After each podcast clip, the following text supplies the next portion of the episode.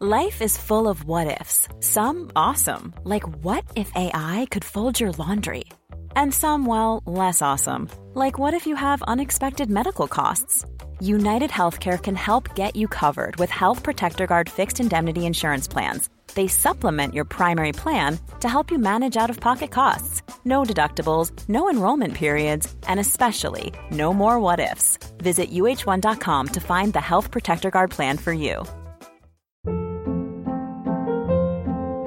Hold up. What was that? Boring. No flavor. That was as bad as those leftovers you ate all week. Kiki Palmer here, and it's time to say hello to something fresh and guilt-free. Hello Fresh. Jazz up dinner with pecan-crusted chicken or garlic butter shrimp scampi. Now that's music to my mouth. Hello Fresh. Let's get this dinner party started. Discover all the delicious possibilities at hellofresh.com. There's never been a faster or easier way to start your weight loss journey than with PlushCare. PlushCare accepts most insurance plans and gives you online access to board-certified physicians who can prescribe FDA-approved weight loss medications like Wigovi and Zepbound for those who qualify.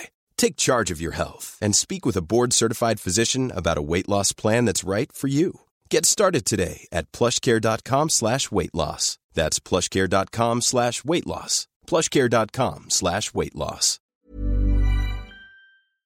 Ann, vet du vad som nalkas snart? Sommarsol. Och min berömda midsommarfest. Det är din älsklingstradition. Och vad passar då inte bättre än att vi denna vecka sponsras av Rusta? Jag drog iväg till Rusta och gjorde, du vet, den här episka inköpskavalkaden. Alltså de har så mycket bord, stolar Dynlådor. och det lampor. roligaste av allt. Ja, Jag vet. lampor, mattor. Allt rätt. Gud vad man älskar det. För jag måste säga så här. Det spelar ingen roll hur fina möbler du har. Om du inte har lullullet, Mm. de fina ljusslingorna, ljusen, lyktorna, blommorna. Kuddarna, Nej, mattorna. Precis. de det måste utemattor. spegla Ja. livet, det underbara livet. Hörni, gör som vi. Gå in på Rusta och botanisera bland alla deras helt fantastiska utemöbler och allt sortiment av det vi väljer att kalla skatklitter för din sommarfest. Tack Rusta för att ni sponsrar Inte din morsa. Tack, vi är så glada.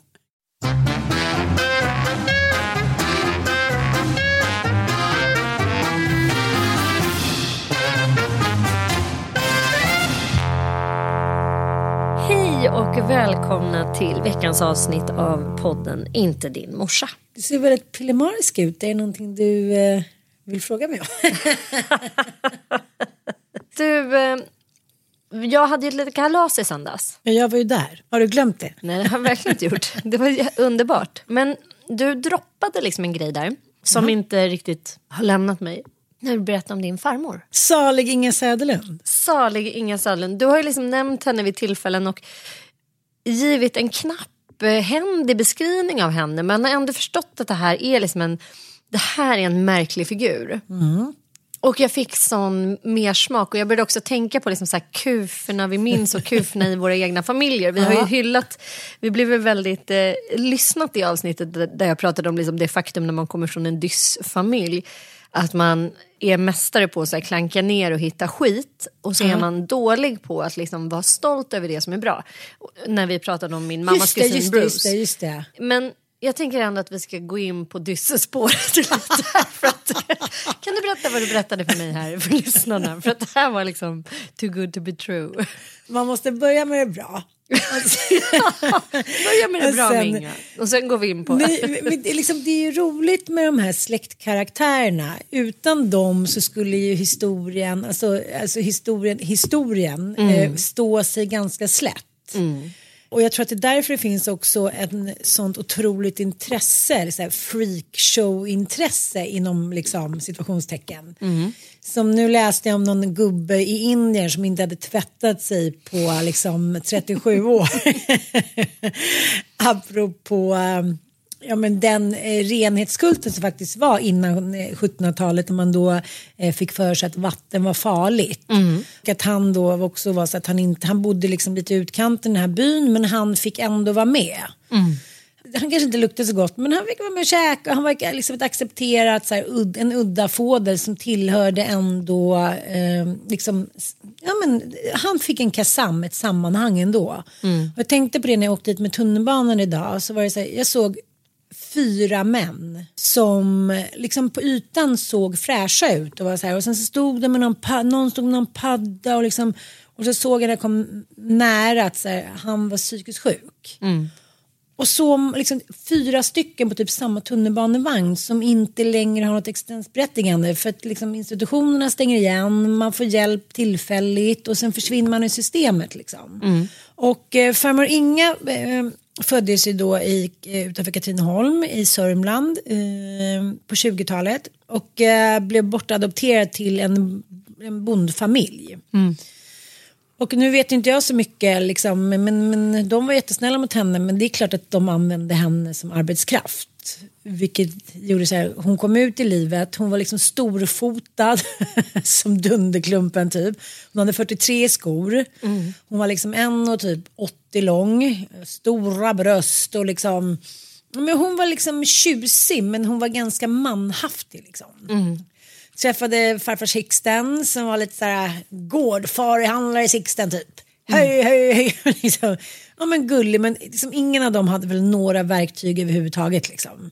Farmor, hon liksom, det blev, jag vet inte om hon jobbade någon gång, det blev liksom inte riktigt av. Hon började någonstans där men nej.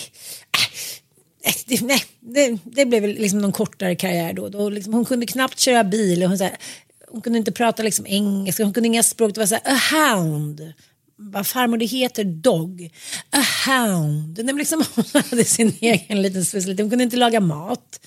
Eh, pappa var alltid så här, jag kommer ihåg när vi var små typ. Jag bad ju honom att, att minnas då. Vi har ju skrivit en kokbok du och mm. som heter Söndagsmiddag med Anna och Sanna. Och då ville vi ha lite matminnen. jag vill ha det från min far, men det, det, han hade ingen matminne.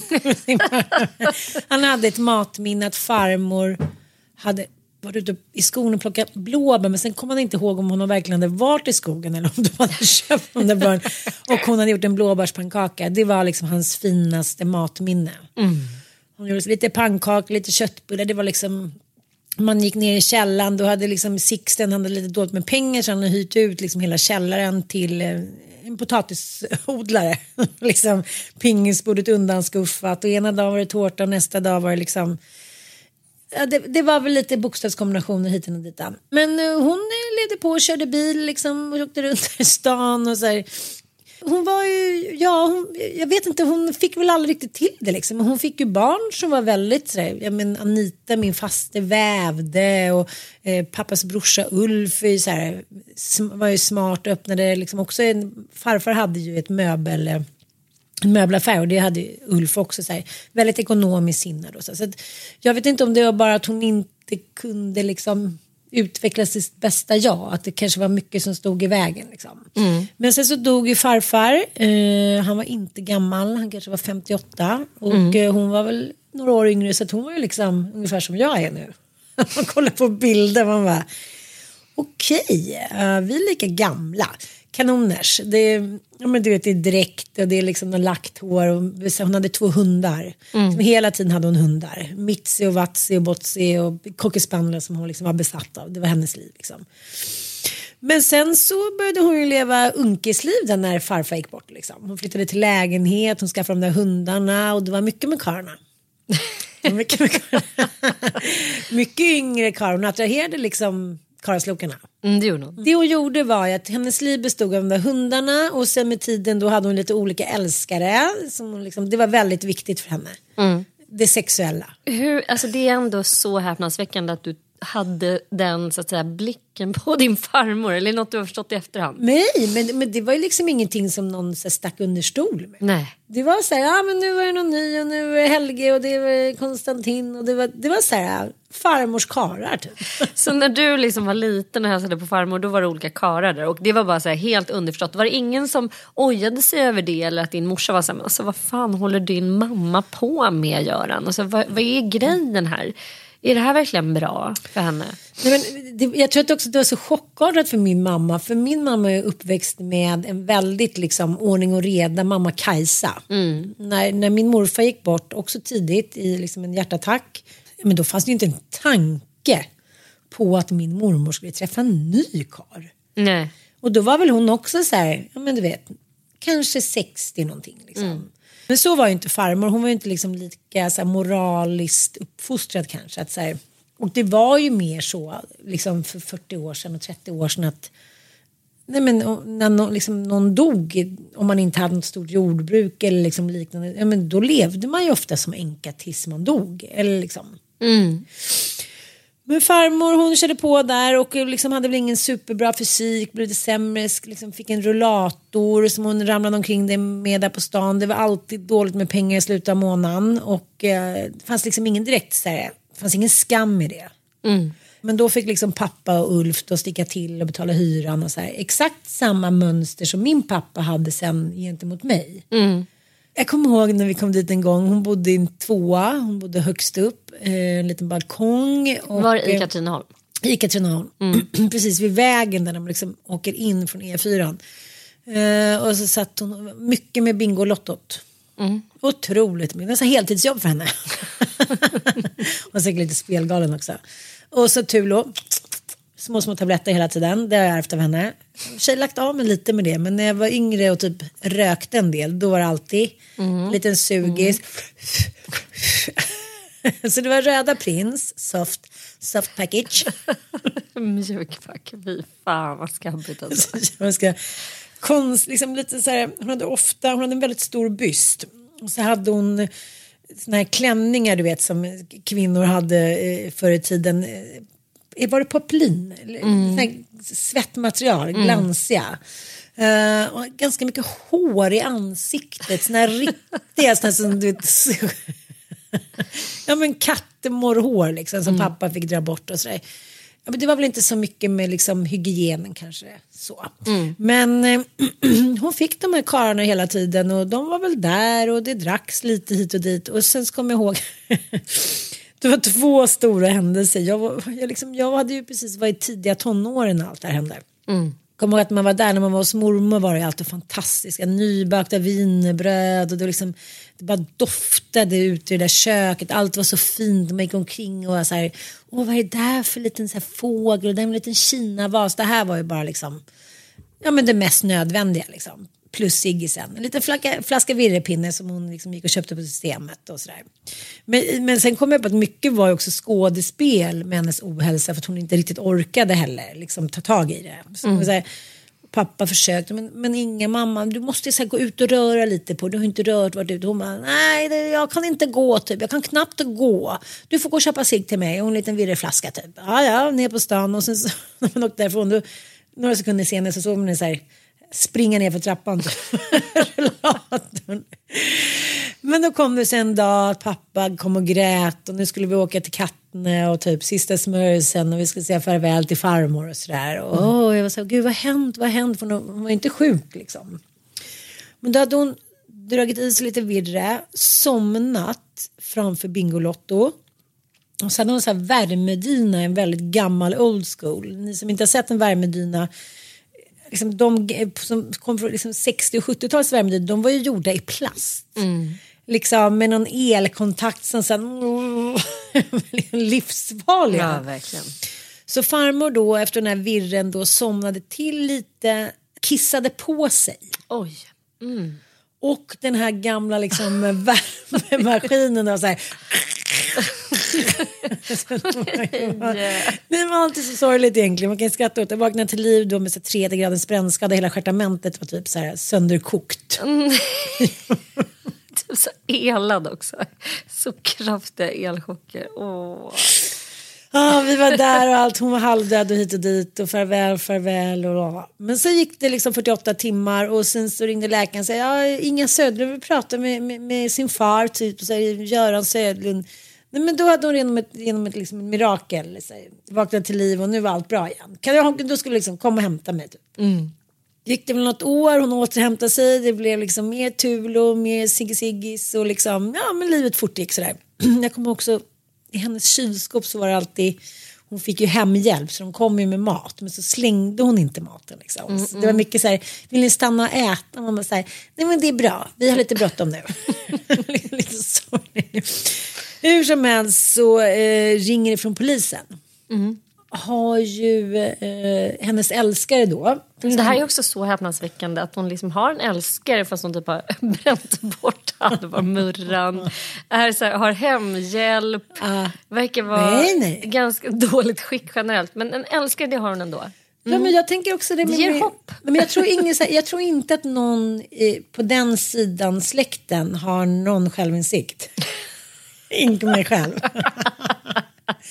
Nej men för att jag, jag kunde se det på min pappa som vägde så här 120 pannor, knappt kunde liksom eh, sätta sig upp själv. eh, Du vet, hade sömnkanapé, eller heter det sömnkanapé? Apné. Kanapé. Han åt en liten sömnkanapé till lunch. Att han ändå såg sig själv som så här, uh, the hottest shit on earth. Typ. och, så här, och kunde bli så vansinnigt för- förälskad. In, in, liksom, in i det sista. Jag tror att det var hans ångestreducering. Liksom. Men eh, då ringer de från polisen. Då eh, så har liksom, eh, det är två barn som har ringt till polisen och, och liksom gjort en efterlysning av sin far. Jag kommer inte ihåg vad han Han är så här gammal klassisk. Vi säger att han heter Konstantin. Det hette han ju inte. Men, men vi säger det. Konstantin. De de börjar kartlägga det här. Så här, vad kan han vara? Våran far typ. Han, han försvann ju för två dygn sedan. Han svarade i telefonen och sa ja, vi är så oroliga över honom. Var hittades Konstantin? Död som liksom Ragnarök i farmors garderob. Då liksom, ja, men det läser du väl om ibland. Så här, ja, men, ja, och jag, jag kollade ju upp det där sen för det är inte helt ovanligt att män dör när de pippar. Nej. Det blir hjärtinfarkt och det blir för mycket för Nopedoni och det, är liksom, det, blir, det blir så starkt så att hjärtat så stannar. Det här har då hänt under det så här, Inga Södlens vilda ritt, eller jag vet inte vad jag vill inte ens tänka på det.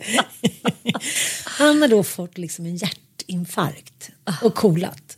Mitt under samlag. Ja. Men det är ju.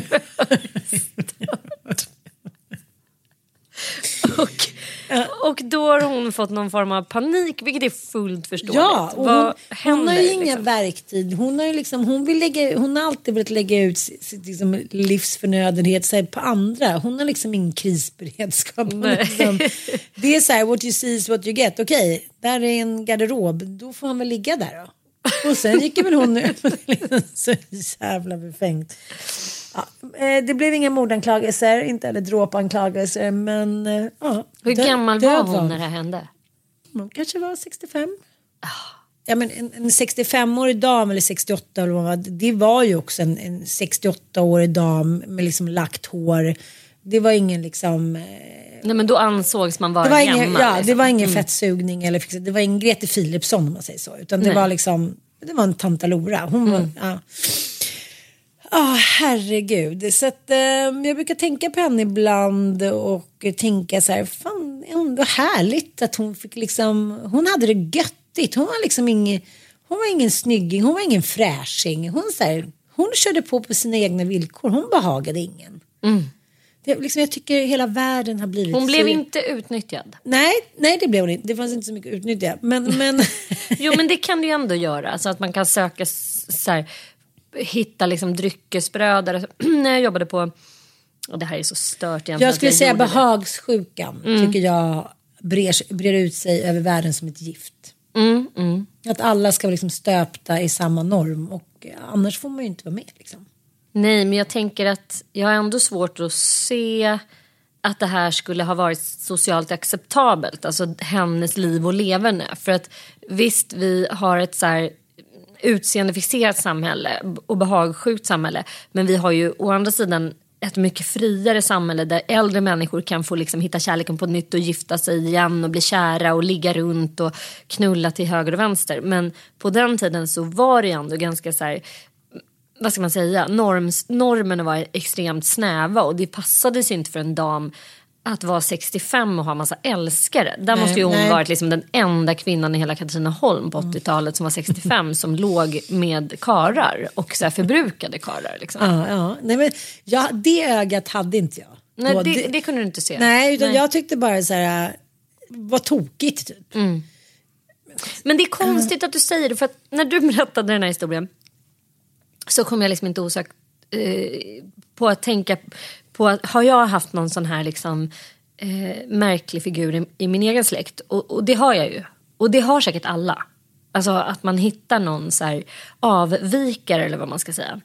Och jag hade ju då moster Eivor.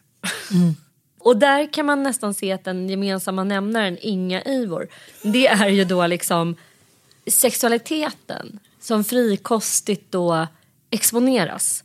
För att jag kommer ju också från så här, kvinnorna i min släkt, alltså gud, min mormor var ju liksom ett huckle, det var osminkat, det var liksom hög blus med knappar, det skulle vara lite söta saker men det var liksom noll procent porrighet eller sexiness eller Alltså det fanns inget så här, att spela på sexualiteten. Och så var inte min mamma och min moster Inger heller utan de var ju verkligen så här mammaloror. Och det var mamma också, även om hon var vacker så Ja, var hon vacker och sensuell. Men det Ja. fanns liksom noll procent stay up, Nej, push up, nej, inte hos min mamma heller. Nej, nej, nej. Det var så här, mamma snälla byt ut det där rosa läppstiftet nu. Det är ingen Alltså, som har försök längre. att vara lite het. Ja, nej, det fanns jag tyckte inte. också, jag bara, men mamma du som är så jävla Tjusig. snygg, kan du inte bara liksom du är skitsexig. Hon bara, oh, det vill jag inte liksom, gud hålla Nej, på och spela på sex, nej. det är lågt. Typ. Ja. Men min moster Eivor bodde ju i USA och gifte sig där. Och liksom präglades ju jättemycket av amerikansk kultur.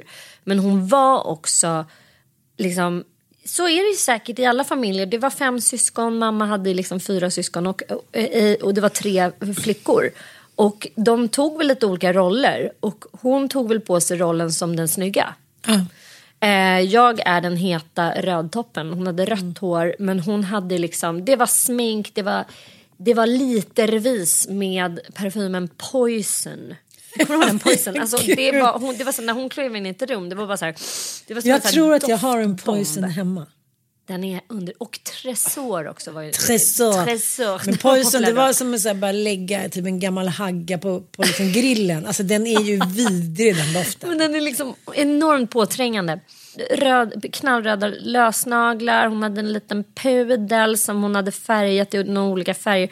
Hon kom ju och hälsade på då varje år eh, till Sverige en eller två gånger om året. Varje sommar och ibland på vintern också.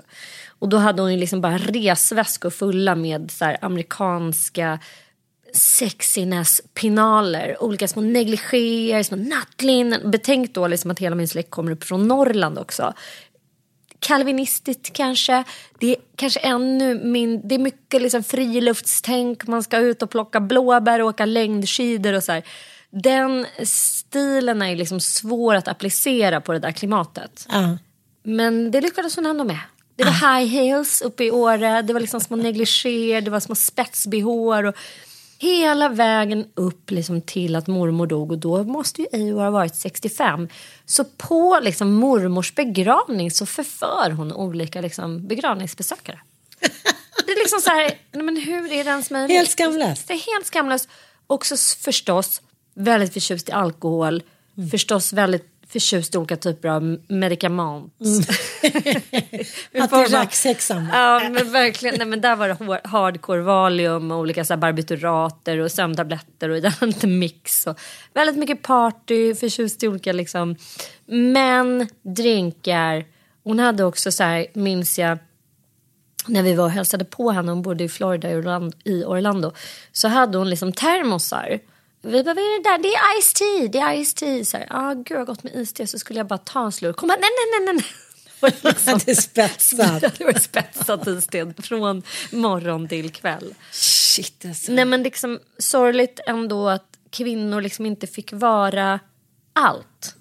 Det tror jag kanske var den tidens stora så här, men curse på något sätt. Att, Marilyn-komplexet. Ja, du får liksom antingen är du hora och då är du bara det. Då kan du liksom aldrig få vara smart eller ha ett yrke. För Min moster hade ju heller inget yrke och hennes man var ju så liksom kontrollerande. Han verkligen ägde sin docka om du fattar.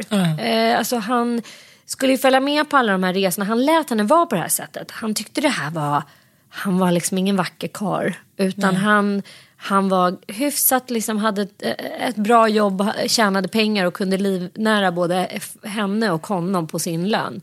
Men det var ju hans docka, punkt slut. Han handlade kläder till henne, han handlade hennes smink. Hon bara skulle sitta där i liksom dockhuset i Orlando och sen så fick han fixa och feja. Och, så alla de här spetsbehåarna och negligéerna och allt det, det var ju liksom hans Han var en knullfider. Han var verkligen en knullfider. Han ville ha sin liksom heta svenska. Så. Ja. Och Så där skulle hon liksom, sen när hon blev lite bedagad då var hon tvungen att ha lite mer smink. Och så Ja, här, så mycket. Och jag kommer ihåg att hon, hon rakade sig också. Liksom. Hon hade ju mycket så här skönhetsbehandlingar. Men liksom, vi, när man pussade henne så var det så helt stubbigt. Man bara shit, är, har hon liksom börjat bli man? mycket Eh. gemensamt med farmor Inga.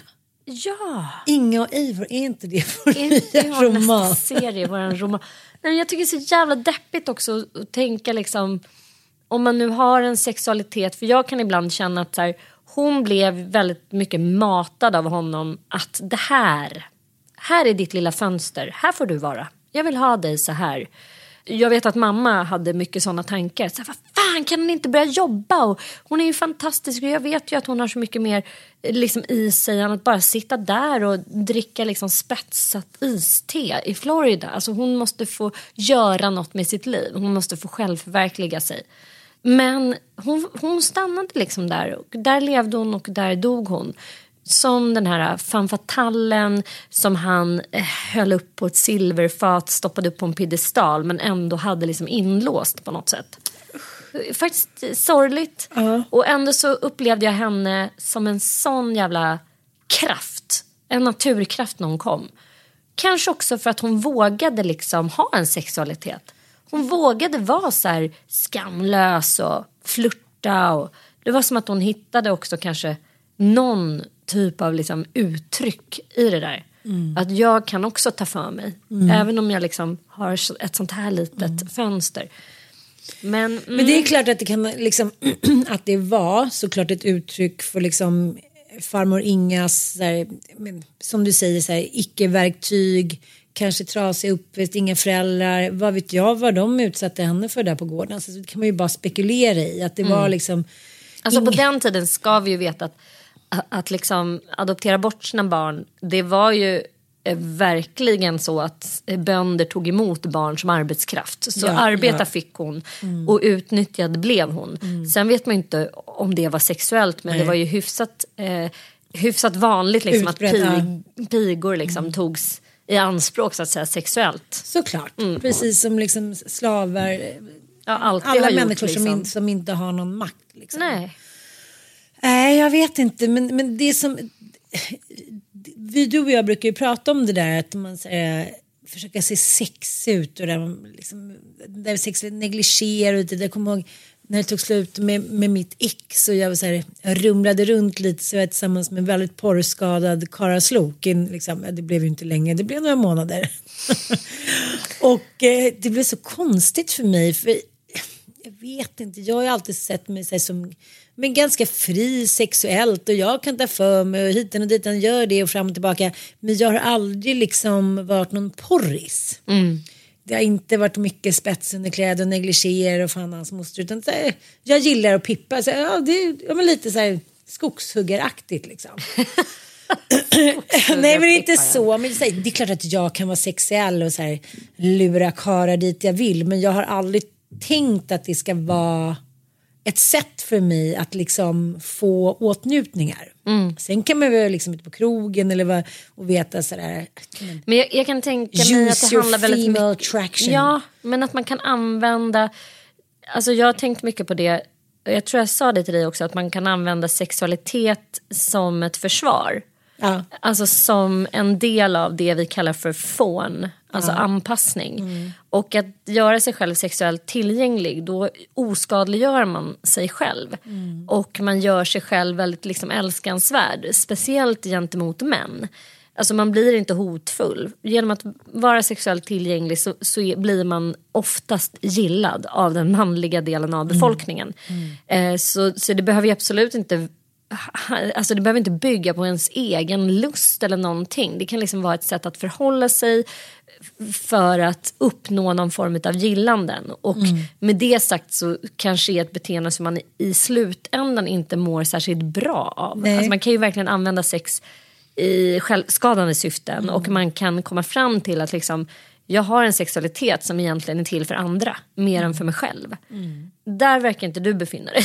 Nej, och jag kommer ihåg, liksom, då, då fick jag säga, men det är klart att jag hade varit småbarnsmamma och liksom, det var en jobbig skilsmässa och sen när så här, himlen började bli blå igen och eh, man såg så här, wow vad mycket karlar. Kanske var någon som hörde av sig som var så här, hej jag har ju faktiskt varit intresserad av dig ganska länge och så här, och kan vi gå på en dejt? Ja, men det blev liksom olika typer av karar. Mm. Och eh, jag satt på en, eh, en AV igår med liksom tjejer som, en tjej var 27 och en var 19. Mm.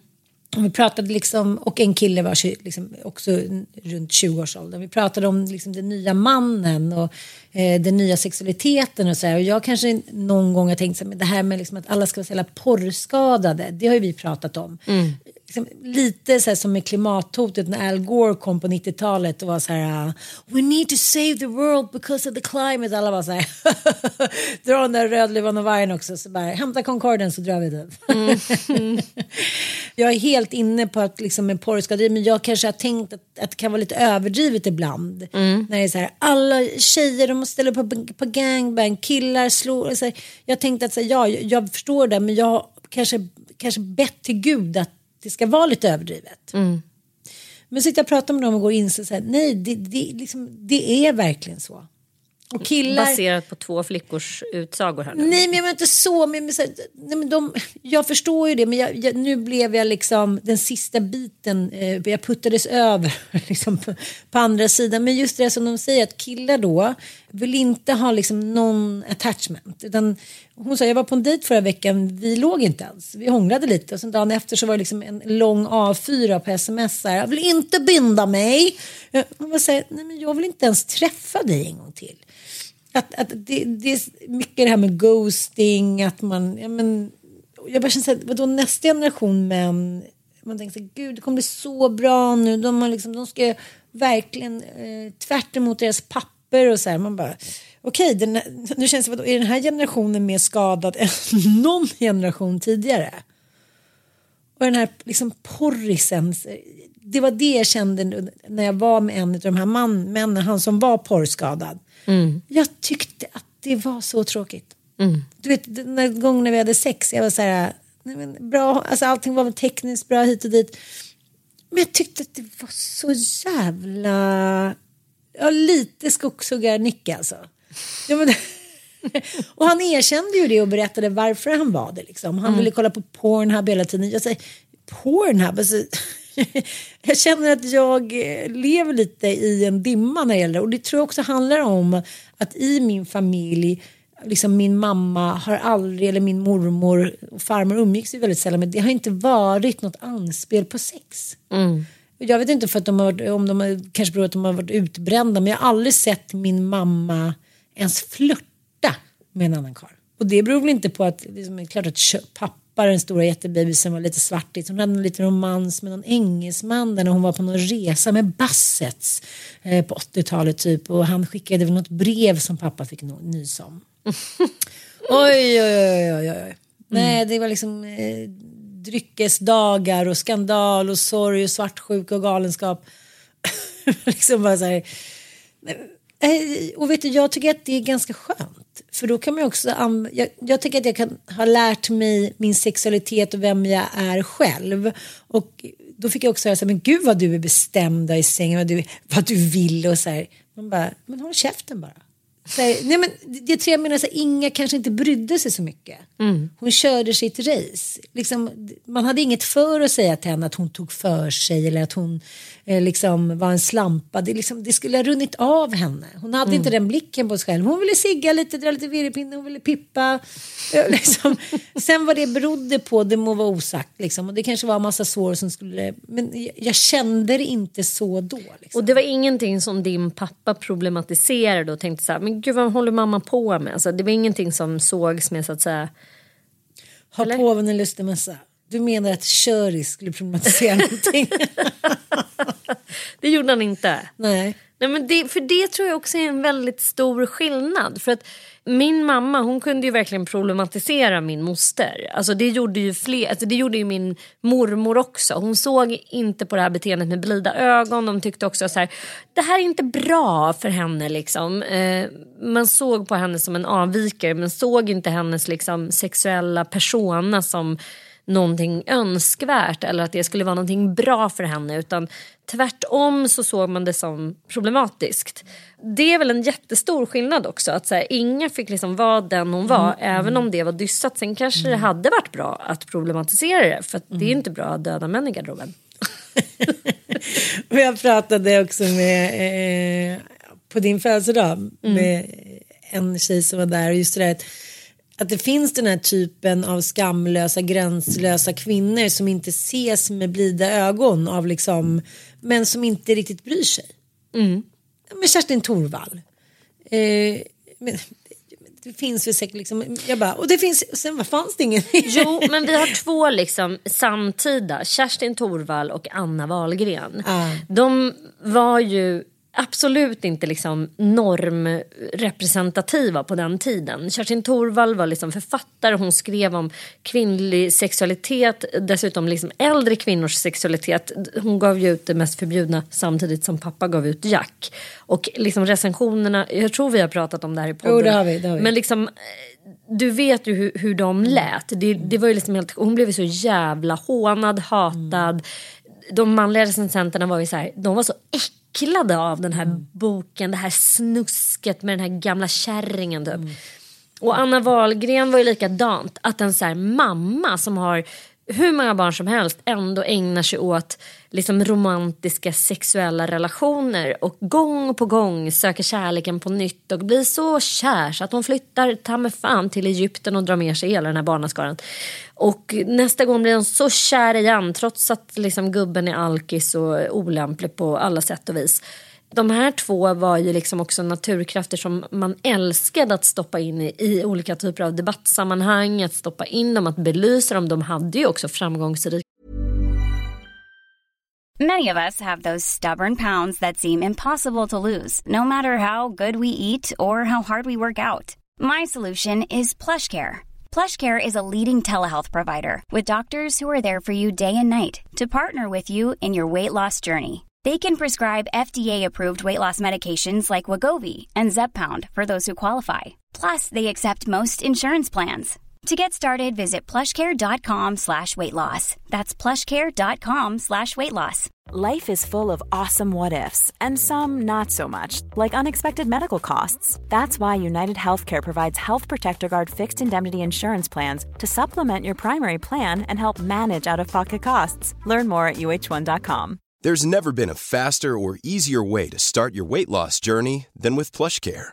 PlushCare accepts most insurance plans and gives you online access to board-certified physicians who can prescribe FDA-approved weight loss medications like Wigovi and Zepbound for those who qualify. Take charge of your health and speak with a board-certified physician about a weight loss plan that's right for you.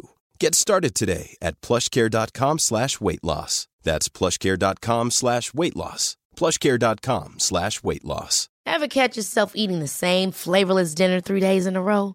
Dreaming of something better? Well, HelloFresh is your guilt-free dream come true, baby. It's me, Gigi Palmer.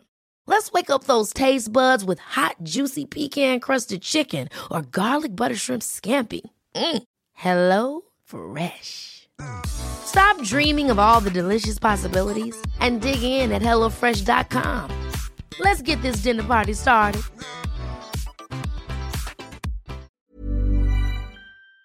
Karriärer för att de liksom Kristina Lund kastades in där ett tag också. Ja, satt och rökte. Ja, drack vira, ja. ja, nej, men, whisky. Nej, men du har ju rätt i det. mycket med whisky ja, då. Kvinnor skulle supa. Vem fan satte liksom normen för det? Det, måste, det är så lite Hemingwayskt. Alltså, liksom vad, vad hittar vi på nu? Lite skandalöst. Vi drar in en kärring som får röka och dricka whisky. Nej, Att men jag, det skulle vara så chockerande men ändå någonting. Så här, jag, jag är väl som vilken jävla kar som helst och gör vad fan jag vill. Och det är väl underbart. Ja, men det som jag tror så här, räddade Kristina Lugn och gjorde hennes folk gjorde henne folkkär fast hon på pappret var den som egentligen borde varit den som ansågs som mest liksom Mm. apart. Det var ju det att hon var väldigt sårbar och också hade liksom en intellektuell höjd som var liksom ja, men den högsta i Sverige och den kombinationen blev ju det ja, men det blev oemotståndligt liksom. Hon, hon skröt ju inte om sina karlar. Hon var ju så här, det här gick inte så bra för mig liksom. Det här med män och kärlek och hon var hon, till skillnad mot Anna Wahlgren och det är väl det som är så här skillnad men mot Anna är ju Ja, knäpp men på det sättet i att hon är så historien. här, lever liksom ett ganska crazy liv men ska ändå sitta på facit över hur vi alla ska göra. Det är det jag typ. menar. Och är så bestämd och så histrionisk liksom, i, i sin besatthet i att tala om för oss hur vi ska göra. Hur vi ska leva. Och, och, och det är väl det som var så enormt provocerande med henne och jag kan tänka mig som, som barn också till henne. Alltså det, ja, det har vi ju hört Felicia Fälts historia. Att liksom, det, det krockar ju så mycket. Man blir tokig på någon som har sån hög svansföring på något sätt och samtidigt liksom inte lever som hon lär. Eh, eller liksom ska he- hela tiden försvara sitt ganska dysfunktionella leverne. Och det gjorde väl inte Kerstin Thorvall, det skulle jag inte säga heller. Alltså hon var väl också på det klara med att det här kanske inte är så jävla bra. Hon åkte in och ut från olika psykiatriska kliniker och mådde ju pissdåligt och skulle ju troligtvis ha fått liksom diagnos bipolär Ja, sjukdom ja. så det bara spruta om det om det hade varit i dagsläget. Jo, men jag, jag tycker ändå att det finns en signifikant skillnad. Att Anna och ehm, Kerstin, Mm. de eh, stod för sin sexualitet. Det kan man ju inte säga att det, Fast var hon, det var väl inte, hon skrev inte så mycket om sex. Alltså jag tänker mer Kristina Lugn och Bodil Malmsten. Alltså det var inte så mycket på så här sn- snaskiga... Alltså Kerstin Nej, Kristina. Lugn gjorde ju inte det. Nej, jag menar det. det, är därför Nej. att, det är därför jag tror att Kristina Lugn blev så folklig trots att hon på pappret inte skulle kunnat bli förstådd av en enda människa egentligen på 80 och 90-talet. Nej, det, det, Nej, Ja. men det är så här, det är som du säger, det, det är ett undantag med farmor Inga att hon eh, erkände sin sexualitet, det är inte fack. Inte Mm. vet jag liksom om de brydde sig om henne där i Katrineholm heller. Men Kristina Lugn var ju inte ett hot eftersom hon inte hade karar. Jag tror Hon att det det ensam. Ja, hon levde ensam och liksom fick aldrig till det där med kärleken. Mm. Och de, det var väl ingen... men, Anna var ju ändå en väldigt tjusig kvinna. De andra två kanske inte ansågs att vara liksom några skönheter. Och det, det är också, liksom, jag tänker så här med stå, stå upp komiken till exempel med tjejer som är jättesnygga som står uppar. Det är svårt för dem alltså. De får kämpa på för att är man en snygging då ska man liksom man vinner ju mycket på det. Och jag tänkte på den här nya mm, eh, studien som kom ut. Där de hade då eh, jämfört betygen eh, liksom hos studenterna. Före och eh, under och efter corona. Och de eh, tjejer då eh, som ansågs attraktiva av eh, lärarna och liknande. Det, deras betyg hade jämkats till ungefär liknande betyg som sina då fulare medsystrar. Mm. På två år hände det här.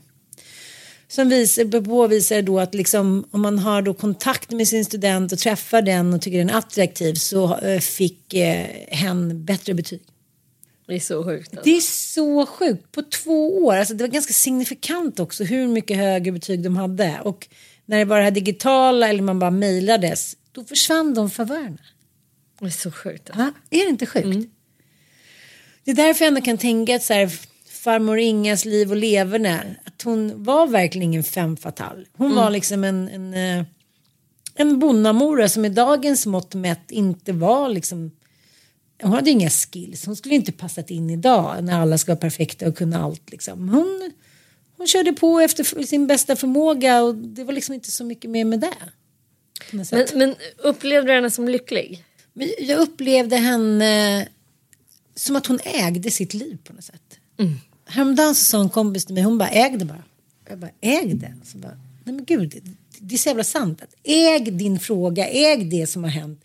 Äg ditt liv. Så här, bestäm dig bara för att äga det. Om man gör det så är man ju väldigt eh, svårmobbad, jag att säga. Då är man ju väldigt så här, ja, men, det är samma sak när någon är väldigt tydlig i sina ramar. Nej, det tänker jag inte göra. Nej, mina barn får inte en extra beställning. Det blir donken, det blir den lilla liksom, förpackningen och sen är det klart. Då ser man dem så här, de har aldrig tänkt att de ska be om så här, 19 olika såser utan lök med 19, som mina barn är. På ett liksom, sätt som man så här, får, får typ gå ut och skämmas. Och så här, men hur många olika variationer kan det finnas på den här lilla jävla menyn liksom? och samma sak tycker jag det är med kvinnor och män som är så här Ja, nej men jag äger det här. Liksom. Jag äger mitt liv och min sexualitet eller vad fan det än nu är. Och jag, jag, det jag menar, så det, jag, liksom, jag sitter och spekulerar om en, liksom, min farmor som inte jag har träffat sedan jag var liksom 14-15 år. Så det är inte så här, jag, hon kanske liksom självmedicinerade liksom på alla sätt i hela världen. Ja, men jag tänker att du har ju ändå väldigt mycket kunskap nu, jättemycket erfarenheter. Vi har liksom pluggat en halv terapeututbildning. Du borde ju kunna se på henne med en annan blick nu än när du var 14 och träffade henne sist. Jo, men det, det var också lite så här, eftersom hon stod i sån otrolig kontrast till liksom min andra släkt. Mm. Så, så, blev det lite så att jag vet inte om jag tyckte att hon var på riktigt. Förstår du vad jag menar? Mm. Det var nästan som att se liksom men precis som du pratade om, så här, släktens olika karaktärer. Mm. Att hon var liksom, hon var någonting som man tänkte att man inte själv skulle bli. Och en kompis till mig sa häromdagen, hon och hennes mamma och hennes syskon hade kollat på den här uh, filmen Morran och Tobias. Mm. Filmen är ju liksom, alltså den är ju, den är ju äcklig. Mm, alltså, den är faktiskt det är vissa scener som jag känner så här, nej men, Jag är väldigt de, dubbelt inställd, jag har aldrig ah. skrattat så mycket som mot Morgonen Tobias. men sen finns det ju också ett enormt jävla klassförakt i allt det där. Ja, och kvinnohat. Ja, kvinnor, och alla vet vi ju på något sätt och alla har vi träffat den där typen av karaktär. Speciellt vi som har jobbat i vården. Alltså har man, har man jobbat i hemtjänsten och varit inne liksom där då har man verkligen träffat dem där som ligger hemma och så sängröker och liksom lever i en parallell värld. Alltså uh. som, som verkligen har ja, lever långt borta från verkligheten. Så kan man mm. väl sammanfatta det. Och det, det, liksom, det gör man sig lustig över. Och sen en annan del i mig känner så här, men gud ska man bli så jävla PK så att man inte ens kan skapa en knäpp karaktär och göra, som gör det liksom ah, mest absurda. De driver ju också med svenskhet på något sätt. Folk som bor i småhus ja. och liksom. Men det gör ju Leif och Billy också. Det är ja, också precis. en klassverk för den, ja. den har jag i och för sig kapitulerat inför. jag kan liksom inte, jag älskar dem så mycket för de är ändå vinnare i slutändan ändå. Ja, de alltid. är så här, de är långben och kalla. Men jag håller med dig. Men, för mig blev det, tror jag, om det hade varit en man som hade haft den karaktären så mm. går det liksom inte riktigt att fastna i någon form av, det går att fastna i ett klassförakt men det går ju inte att fastna i det manshat om man nu ska jämföra mm. med ett kvinnohat. Mm. Så för mig blir det så här, Mattias sa så här, men gud det där är ju du när du har, alltså, jag tyckte inte ens att det var roligt att säga, ja men nu ska vi liksom, det där är som din farmor Inga typ, går mm. omkring och röker och liksom ingen bh och de där klänningarna så här, försökte laga lite mat på någon fisk. Jag bara kände så här, det blev det blev för nära. Förstår du? Jag bara det var för likt. Don't you lie about my granny. Typ så här. I love Inga. och då kände jag liksom någon så här ömhet. Att man, så här, man får inga verktyg. Vissa liksom barn, och särskilt förr i tiden innan det var någon social, liksom, något, det, det är det ju inte helt säkert nu, men det finns ändå en annan social funktion. Att så här, barn kan inte bara, de kan hamna mellan stolarna, men förr i tiden så var det ju, gjorde ju var tredje barn det. Typ. Mm. Det fanns ju liksom Gud, ingen social kontroll. Då kände men här, speciellt om din farfar ändå verkade vara lite uppstyrd och ja. liksom kanske på något sätt hade en mer bärande Precis. roll ja, det i var liksom ombytta roller mm. och eh, då kände jag bara så här fuck you kände jag med, om den filmen för den mm. liksom då tycker inte jag längre att det var roligt för mm. att det bara skulle dras till mer och mer och när hon äntligen skulle få gå ut och träffa lite vänner och, så här, och sonen då hade satt på en så elstötsgrej och sminkat henne då ja. för att hon skulle liksom, så Nej, men det blev så jävla sorgligt. Alltså sjukt ja. mörkt alltså. så jävla mörkt. Jag var så här, nej, men det bara slutade aldrig heller. Det var så här, och då kändes alla dessa människor som kanske inte liksom faller inom normen hit och ditan de håller ju på att ätas upp av samhället. De kommer inte finnas om 50 år.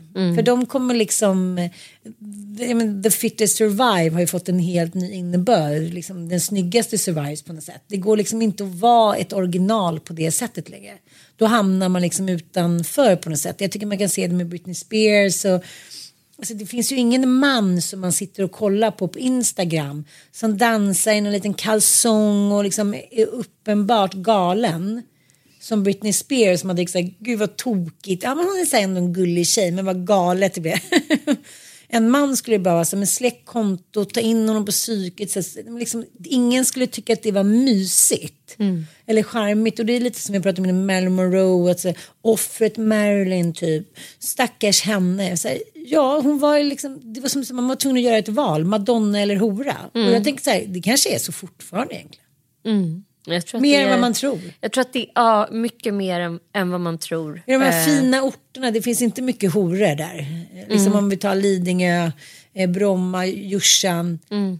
Det, det, det kan se ut så på liksom samhället i stort, så här, tjejer är fria. Men, men i många, på många, i många samhällen, liksom, delar och kult- subkulturer så, så är det ju inte så. Det är precis som Mm. det alltid har varit. Annars är det ute liksom. Det är sorgligt, det här skulle bli en glättig resumé om farmor Ingas eh, liv och leverne. Och nu kom det även eh, Moster Eivor. Moster- Moster Eivor. Ja men, det var med, ja men verkligen. Men det är, man älskar ju ändå att man får ha såna här människor i en släkt. Alltså kuferna, de som är liksom lite udda. Precis som att det finns framstående människor som har gjort storartade saker så har ju de där, och det jag ty tycker också är en, jag, jag blir ändå glad över att Göran Söderlund inte har problematiserat det här. Det säger också rätt mycket om att så här, vi har en förmåga nu att bara försöka hitta och identifiera vad beror det på, är det fel, är det brister? Alltså det är klart att vi också är helt så terapiutbildningsskadade liksom. Så ni får överseende med det. Ni som lyssnar att vi letar liksom hela tiden. Men, men också att så här, när man lever i en familj, för jag kan också titta på så här, i- i mammas släkt framförallt där man är så här, nej men, nej men han är sån och han ligger där nu och det är liksom, ja de bara är på vissa sätt och det är inte så himla mycket att snacka om i stort sett. Det finns och en han fara i det, perioder- menar? Nej jag tror att det både finns en fara men det är också någonting i att säga, men vad fan vi har fullt upp med att liksom skaffa mat på bordet. Vi kan inte sitta här. Eh, det är liksom en när det finns pengar och tid över då har vi liksom möjlighet att börja analysera, försöka förstå, bilda oss, eh, liksom försöka göra om. Kan vi, det handlar ju också väldigt mycket om att rationalisera och att bli mer egentligen skapa en befolkning som är så arbetskraftig som möjligt. Det ska man inte glömma bort när man försöker rensa bort såna här original. Mm, vad är felet? Var, var, hur kan vi liksom kostnadseffektivisera hela samhället? Hur kan vi göra alla arbetsföra, liksom, små och maskinella på något sätt? Eh, så att, det, det, det är mångbottnat och det är mångdimensionellt. En del av mig bara älskar ju att Inga och Eivor fick vara som de var. En annan del av mig ser ju liksom så här, här är två kvinnor som har fått använda sex för att överhuvudtaget ha en plats liksom, på något sätt. Och en, en, en tredje del av mig känner bara att så här, sad.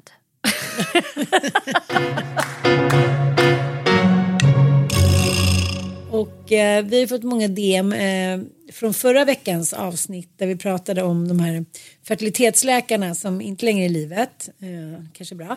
Eh, som cirkulerar i de olika dokumentärerna. Och vi har bjudit in eh, vår kompis eh, som också gör är väl den mest professionella i Sverige på det här med barnlöshet. Och, Barnlängtan Ja, och... precis. Ja. Ja, Silla Holm. Och, eh, jag har liksom inte kunnat sluta tänka på det här. Jag vill liksom ha en bättre förklaring än att de eh, bara vill spela Gud eller att de är liksom lite rasistiska och vill att världen ska befolkas av så här kaukasiska män med blå ögon.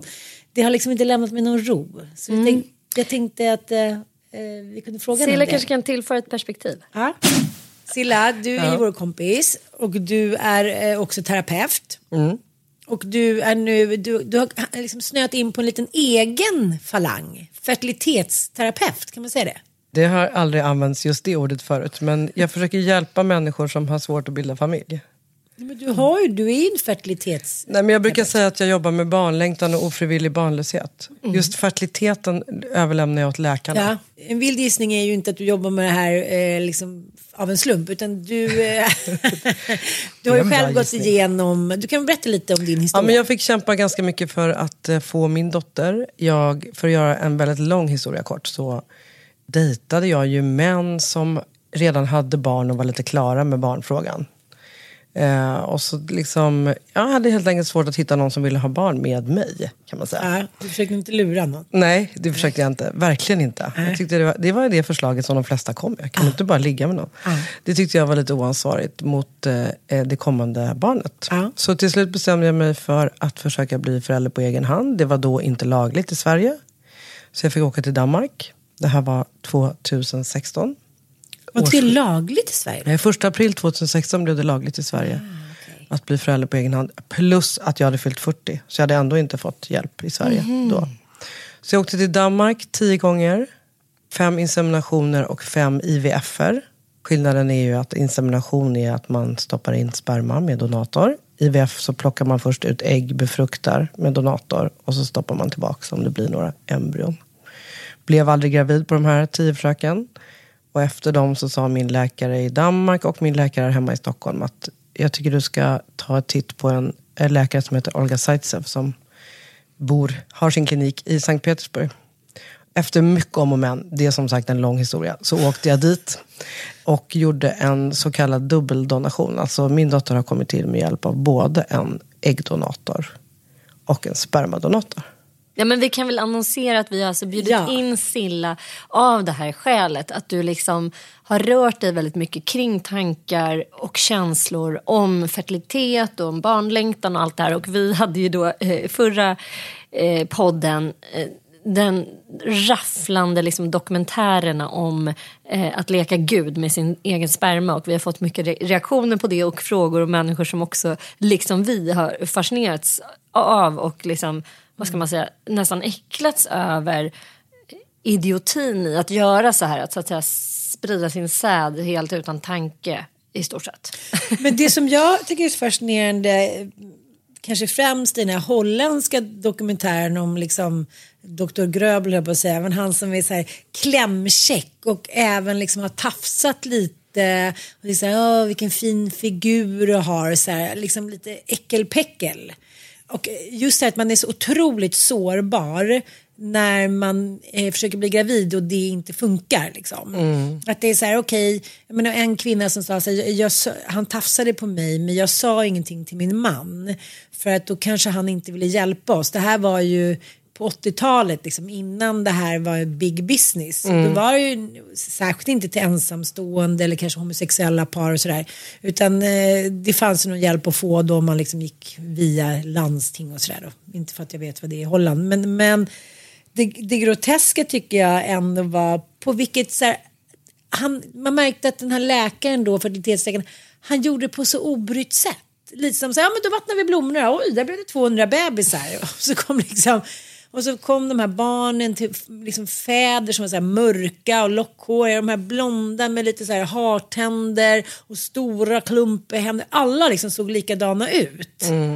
Eh, Det är liksom något horribelt i det där att man har kämpat så länge och varit så sårbar så får man ett barn och det är så någon jävel som har suttit på kammaren och runkat och tycker så här, ja, här stoppar jag in lite säd, det blir väl kul. Och jag, jag tycker så här, Jag tänker att de inte har tänkt så. Kan du berätta, hur ser du på det här? Men jag vet inte om den är sann, det är ju en killgissning också. Jag tror, ingen vet ju vad som är sant i det här. Men man kan ju, det som är sant är att de är förövare och att de har gått över gränserna och gjort någonting som man absolut inte får göra. Men jag tänker att ingången till att de har gjort det är snarare handlar om att de är, vill hjälpa alla människor som längtar efter barn.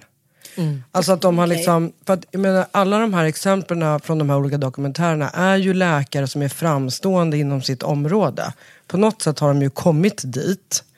Eh, och det här kan jag ingenting om, men jag tänker att, eh, att det är väl inte helt ovanligt i läkarvärlden att en läkare tänker att de är närmre Gud än någon annan tänker. Liksom. Att de kan lösa saker åt folk och så. Särskilt liksom för, liksom för typ kanske 30-40 Ja, år ja, sedan när exakt. det fanns en annan, liksom, då var det så här, läkare och poliser, advokater typ, Ja, och exakt, tandläkare. Det var så här, fina människor. Och det här var väldigt nytt, liksom, hur man kunde göra med det här. Och de, de, jättemånga fick ju hjälp.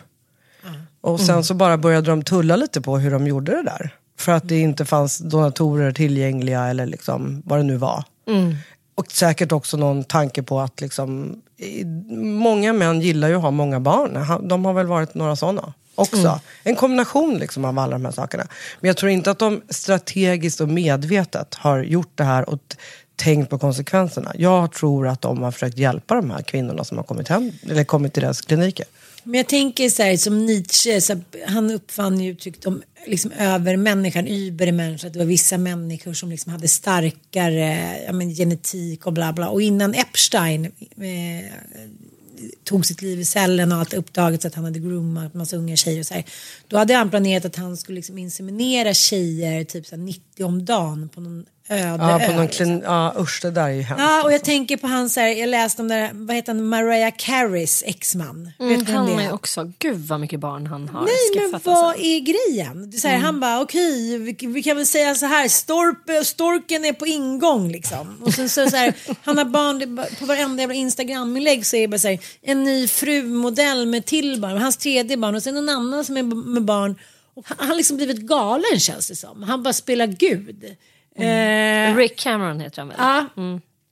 Jag känner inte till honom. Ja, men han är så här som programledare i är- USA och svinhärlig och liksom ett rit. Men jag bara känner så här, men gud, alla har ju så jävla mycket moral och det är feminister, men just vissa kommer undan på något sätt. Lite som att de är så här smågudar, de så här slinker undan moralens långa arm på något sätt. Fast de här fertilitetsläkarna slinker väl ändå inte undan? Det- Nej, fast då har de ju gjort det eftersom de- nu är ju de liksom alla de här tre gubbarna är ju döda. Och, eh, det, men det är det också så här, under den här tiden när de gjorde det, då fanns det ju inte sådana DNA-test. Nej, det är det, det är det som är viktigt att komma ihåg att liksom fertilitetsbranschen då och fertilitetsbranschen nu är ju helt annorlunda av en massa olika anledningar. Inte bara det här, men det, för det första skulle det aldrig kunna hända idag. Det finns ju protokoller och system som man måste hålla sig till som gör att det inte går. Man använder inte ens färsk sperma längre så det skulle inte kunna hända det här. Nej, okej, okej. Jo, men det jag tycker är intressant som kommer fram i de här dokumentärerna är att de här barnen som växer upp, alltså vi brukar kalla det för DCPR, Donor Conceived Persons, istället för att man som vi normalt säger vuxna donationsbarn. Det är ju väldigt provocerande för vuxna människor att bli kallade för barn. Så därför pratar man om DCPR. Och DCPR som växer upp är ju oftast mer nyfikna på syskon och så. Det är inte donatorn i sig som de är så nyfikna på. Och det som jag tycker att man tappar bort i, all, i hela branschen och i allt som görs och för alla oss som gör de här behandlingarna. Det är att man fokuserar på föräldrarna och varför man, hur man ska skaffa barn och hur det ska gå till och allt det där. Istället för att titta på konsekvenserna hur det blir för barnen. Det är ju de som får ta konsekvenserna av de här behandlingarna. Liksom. Mm. Jo, men det är ändå inte fattigt. Jag kan ju förstå de här läkarna om det var så här som på den här tiden. Det var, det var liksom, det var så skrattretande små lappar som de har skrivit själva med så här. Red haired, like, uh, like tennis typ. Alltså det var så ingen som kontrollerade, det är liksom, det är ett hån hur han kunde liksom laborera själv, den holländska läkaren. Men samtidigt så är det så här, jag, jag kan verkligen fatta att man är så, om man ändå liksom ska ha någon okänd gubbespermia, då kan man liksom, man sitter lite i fredag kväll och man dragit en virrepinne och kör liksom en handjagare och så stoppar in. Den kan jag fatta att den kan bli lite så här, eftersom så här, ingen vet ju, han är den enda som vet. Och så sitter han och kollar på alla de där bilderna. Jag fattar att det är liksom en storhetsvansinnesgrej. Det kan man ju säga, varför har jag fem barn? Det är ju liksom såklart... ja, men, Det är en Nej, men- storhetsvansinnig ja, grej. Ja, men det är en trygghetsgrej också. Det, det är härligt, det är en stolthet att så här, se sina fem barn bredvid varandra. Man Fast säger, det som talar emot den tesen det är ju att han verkar ju inte vara dugg intresserad av sin avkomma eller att veta vilka... Okej om de hade hittat så här galna dokument att han hade liksom fört statistik och kollat upp sin avkomma och följt dem och kanske tagit lite smygbilder och så här. Men det verkar ju inte den här läkaren Men de, ha han har ju gjort. bett liksom, uttryckligen om att han vill att de ska skicka bilder på barnen så han får se hur de blev. Aha, det, men det är den holländska. Den har ja, precis. Men de andra har i och för sig inte gjort Nej, det. Men, inte i USA. Ja, det är lite olika de här ju. Mm. men de det har jag inte förstår olika- så här, när det ändå är pappor som har donerat sin säd som är så här, Ja, det är till och med konstigt, afroamerikaner. Då ska han ändå in och liksom gurra med sin så här Ja, där ryker min Ja, snällhetsgodis. säger där ryker att, den liksom, faktiskt. att alla de här tre aktuella läkarna är blonda och blåögda. Och det, det det finns en vithetskult liksom i... Det finns en enorm vithetsnorm i Kult kanske inte finns. Men som du säger Sanna, det är för att fortfarande är så att liksom, vita människor är ju mer privilegierade liksom, i många delar av världen och kan då gå på de här utbildningarna. Dels utbildningarna men sen också att ens kosta på sig en fertilitetsutredning. I USA så är det ingenting som bekostas antar jag av staten. Då får man ju bekosta det själv. Det är jättedyrt.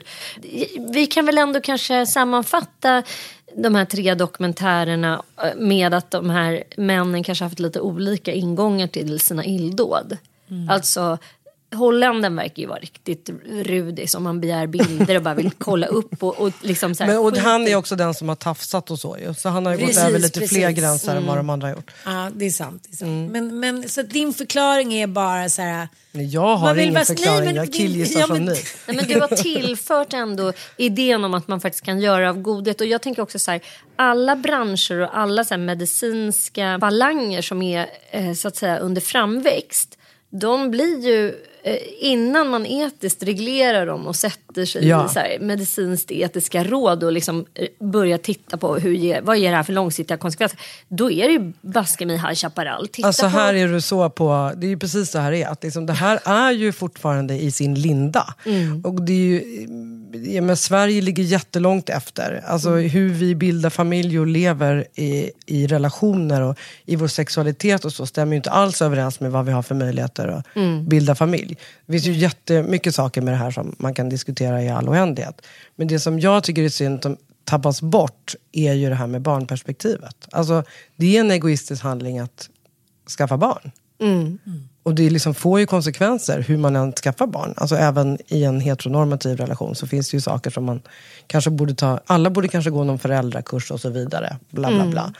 men, men, men det, som, det blir ju när de här dokumentärerna får så här stor spridning och så, då blir, det faller liksom en skugga på hela fertilitetsbranschen och att bli förälder via donation. Och folk blir väldigt så här sensationslystna och vill liksom eh, götta sig i det här. Eh, och då, det kan man ju göra på bekostnad av oss som väljer att göra en sån typ av behandling. Men jag tycker att det är väldigt taskigt mot barnen.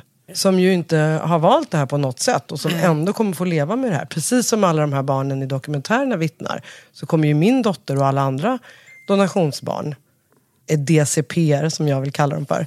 Eh, att växa upp med i konsekvenser av att deras föräldrar fattade de här besluten. I form av att det finns halvsyskon överallt och sådär. Som ju inte informerade. Jag fattade inte alls när jag gjorde min behandling vad det fick för konsekvenser för henne. Men Silla, kan vi inte, du, du som ändå är så kunnig på området. Om man tänker då så här, din dotter som har två, en äggdonator och en spermadonator. Mm. Den här spermadonatorn, kan han eh, donera sperma till flera kvinnor? Ja, alltså han, han kommer ju då från en av de stora eh, spermabankerna i Danmark. Det är en så kallad öppen donation, så min dotter har rätt till information om honom när hon uppnår mogen ålder. Men det som gäller för eh, donatorerna till spermabanker, det finns ju regler för hur många i varje land. Eh, det är då åtta familjer i Sverige, sex familjer i Danmark och så vidare. Eh, tvärtom, sex familjer i Sverige, åtta familjer i Danmark. Tio i Frankrike, massa i Ryssland. För det, det, är liksom utifrån befolkningsmängden, hur många i ett land. Så att det inte skulle kunna uppstå till exempel då, eh, ja vad heter det, inavel? Exakt, det, är ju det, det är ju utifrån det. Men du kan ju fylla varje kvot i varje land. Så det kan ju bli ganska många syskon. Varför gör man så? Alltså, finns det för få spermadonatorer? Ja, och för att det är en business. Spermabanken tjänar ju massa pengar. Och de som då donerar till det svenska systemet har ju försökt att liksom komma från det här så mycket som möjligt. Så i Sverige får man ju då bara donera till de här familjerna inom regionfinansierad behandling. Och sen tar det stopp. Men det är ju väldigt många som sen går ut och säljer sin sperma svart. Så det finns ju, även om man begränsar det så kan man ju inte förhindra männen att Hur går de Och här många gör det gratis till? också. Hur går de här businesserna Alltså det till? finns massa Facebookgrupper och man, det tar två sekunder att hitta om man vill hitta. Eh, massa män som, eh, som säljer sin sperma, de har ju friskhetsintyg och berättar ungefär hur många barn som har kommit till. Och, så möter de upp kvinnor på toaletter på T-centralen och parkeringsplatser. Och, Va, men, men vad kostar det här då? Inte mycket, de flesta gör det gratis. Men, det, det, men då finns det, då, Ja. det här är förklaring till allt. Det finns ju snubbar där ute som av förklarliga skäl då kanske inte kan få egna barn eller som har det här storhetsvansinnet man sitter hemma och Eller vill hjälpa till. Ja, ja men alltså det finns all, all sizes jag Ja, säga. absolut. Det är lite sensationslyssnadsaktigt också. Ja. För att det finns som du säger, någon kanske går igång på det, någon kanske vill vara snäll, någon kanske säger Fick jag ingen eh, egna barn i Jag min incellvärld, är för- då kan i alla fall de här barn, jag får de här. Det är liksom... Det är för att det är främmande och för att man, det är liksom, alltså det är, det, det är alltid kul att prata om de här frågorna för folk blir otroligt nyfikna. Eh, och jag kan ju prata om dem i all evighet och vrida och vända på alla, det är jättespännande och roligt. Jag tycker bara att det är viktigt att barnen får den största platsen.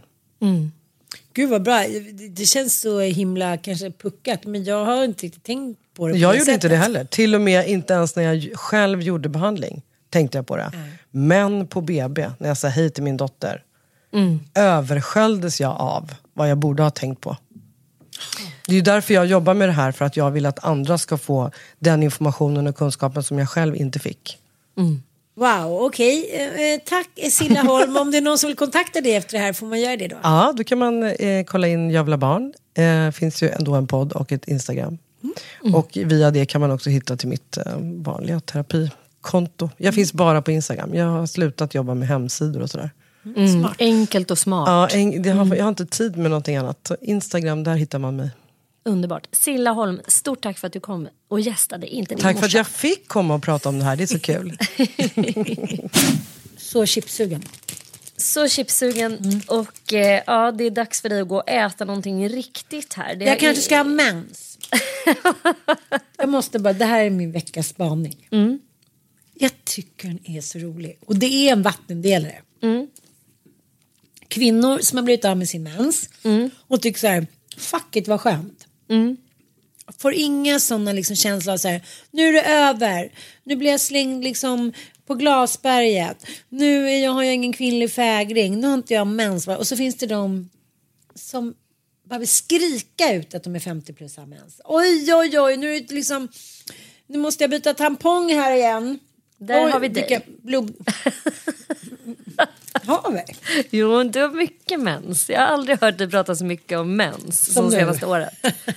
Faktiskt, jag har känt dig i 15 år. Det var tydligen en spaning som gick direkt tillbaka mot mig själv.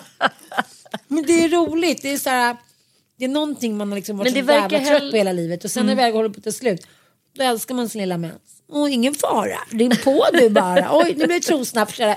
Det är ju så med mensen. Men det kan jag hålla med om. att Jag tycker det är så jävla sorgligt att så här, du, jag har haft så här noll koll på min cykel och på så här lutealfaser hit och liksom ägglossning dit. Det har varit så här, nej men det har varit som en, att dechiffrera en jävla liksom karta varje gång man liksom ska försöka. Så här, när, när, blev, när var befruktningstillfället? Man bara, ingen aning. Och nu har jag stenkoll. Jag har stenkoll. Jag vet ska- exakt. Jag bara, nej, men där kommer ägglossningen. Där, och nu är det bara så här, men gud, pärlersvin. Why? Varför har jag lärt mig det här nu? Jag är liksom 44 år och snart är det över. Så Ja, onödig ja. kunskap att ens Jag liksom... laddade ju ner min första mensapp för ett halvår sedan. jag bara, jag bara, vad ska jag med den här till? Man vet inte, du kanske behöver veta. Så kan jag med barn kanske. Ingen ska röra min mage. puss puss.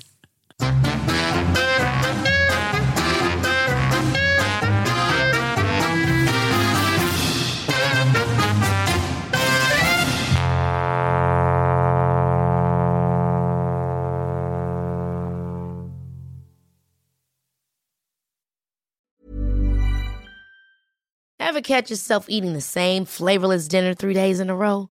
Dreaming of something better? Well, HelloFresh is your guilt-free dream come true, baby. It's me, Kiki Palmer. Let's wake up those taste buds with hot, juicy pecan-crusted chicken or garlic butter shrimp scampi. Mm. Hello Fresh. Stop dreaming of all the delicious possibilities and dig in at HelloFresh.com. Let's get this dinner party started.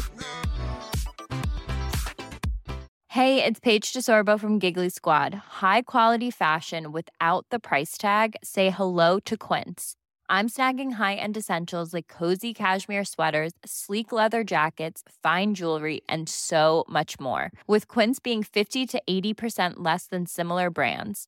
And they partner with factories that prioritize safe, ethical, and responsible manufacturing. I love that. Luxury quality within reach. Go to quince.com slash style to get free shipping and 365 day returns on your next order. Quince.com slash style. Imagine the softest sheets you've ever felt. Now imagine them getting even softer over time. That's what you'll feel with Bowl and Branch's organic cotton sheets. In a recent customer survey, 96% replied that Bowl and Branch sheets get softer with every wash. Start getting your best night's sleep in these sheets that get softer and softer for years to come. Try their sheets with a 30-night guarantee. Plus, get 15% off your first order at bowlandbranch.com. Code BUTTERY. Exclusions apply. See site for details.